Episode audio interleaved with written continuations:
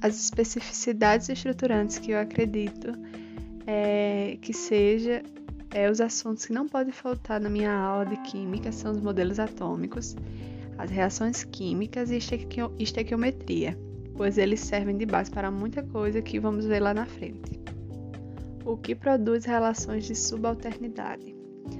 Nas nas ciências exatas, nós precisamos de ter um conhecimento em sequência, pois um conteúdo é diretamente relacionado a outro. Então, por exemplo, um aluno que ele não sabe muito bem matemática básica, muito provavelmente ele não vai conseguir resolver um assunto de estequiometria, por exemplo. É, então ele acaba sendo deixado de lado pela turma, inferiorizado, porque nós professores nós não temos todo esse tempo é, para correr atrás do prejuízo daquele aluno. É, potencialidades formativas. É, nós respiramos ciência, né? A química está em tudo. E os, as potencialidades formativas é, libertadoras que eu acredito possuir na, na química é não cair em fake news ou até mesmo em causar acidentes por uma ignorância na química básica. Por exemplo, é misturar água sanitária mais desinfetante, que é uma mistura que muitas pessoas fazem para limpar a casa.